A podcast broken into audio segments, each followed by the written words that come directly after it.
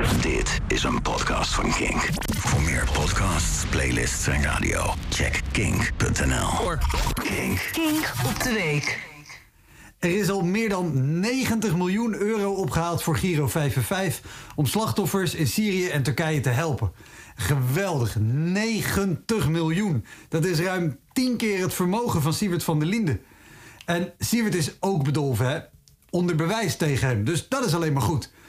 Afgelopen week werd bekend dat hij en zijn zakenpartners met grote haast hun laptops en telefoons verstopten toen duidelijk werd dat er een onderzoek naar ze werd ingesteld. En Siewert die liet zijn mobiel onderduiken bij zijn advocaat en kocht zelf een ouderwetse Nokia.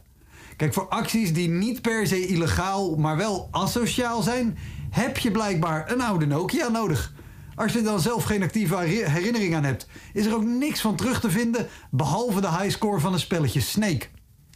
90 miljoen is trouwens ook weer niet zo heel veel als je het afzet tegen de verwachte omzet van zo'n 270 miljoen tijdens carnaval dit weekend.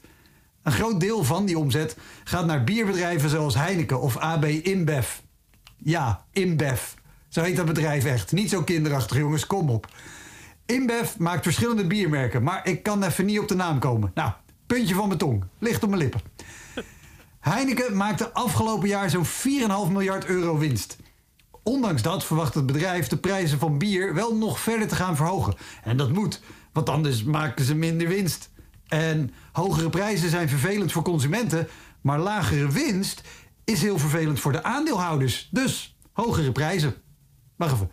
Dit voelt heel onlogisch. Oké, eh, laten we een ander bedrijf nemen. Want bier is natuurlijk geen eerste levensbehoefte. Behalve tijdens carnaval. Laten we boodschappen nemen. Brood, groente, fruit, wasmiddelen, dat soort dingen. Die heb je echt nodig. En niemand krijgt trillende handjes als hij halverwege de middag nog geen wasje heeft gedraaid. Nou, Albert Heijn verkoopt die boodschappen. Ze verkopen er zelfs zoveel van dat Ahold, het moederbedrijf, vorig jaar ruim 2,5 miljard winst maakte. De hoogste winst in 10 jaar. Al noemen ze het bij Ahold geen winst, maar hamsteren! Toch gaat ook Albert Heijn waarschijnlijk weer de prijzen verhogen. Waarom? Nou, hogere prijzen zijn vervelend voor consumenten, maar lagere winst is heel vervelend voor de aandeelhouder. Nee, ik snap de logica weer niet.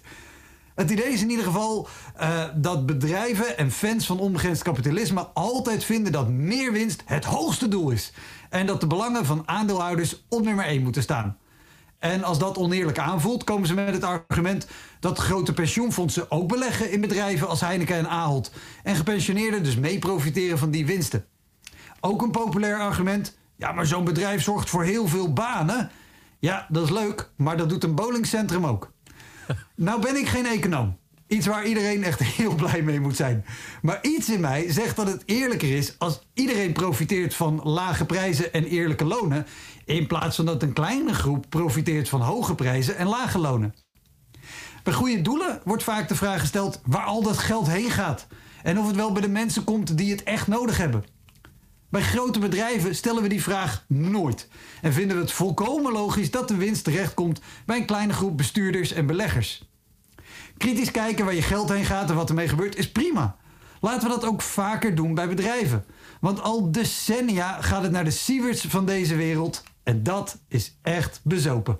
Dit was een podcast van Kink. Voor meer podcasts, playlists en radio, check kink.nl.